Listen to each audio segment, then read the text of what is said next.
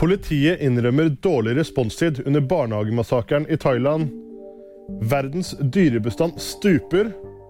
Og er det du som har vunnet 82,8 millioner kroner? Barnehagemassakren i Thailand pågikk i tre timer. Drapsmannen tok livet av 36 personer, hvor 22 av dem var barn i en barnehage i en periode på over tre timer. Politiet i Thailand innrømmer nå at responstiden ikke var god nok. Navngitte vitner skal ifølge Reuters ha ringt inn til politiet, men fått beskjed om at det ikke var nok ressurser til å sende noen. Drapsmannen tok til slutt sitt eget liv. Verden står midt i en naturkrise. Det mener Verdens naturfond, som legger frem en dyster ny rapport. Verdens dyrebestand har sunket med 69% på drøye 50 år, ifølge den nye rapporten. En heldig person vant 82,8 millioner i Vikinglotto onsdag kveld.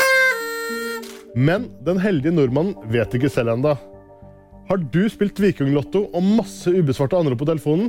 Ja, da kan det virkelig lønne seg å ringe tilbake. VG nyheter fikk du av meg, Thomas Bløndal.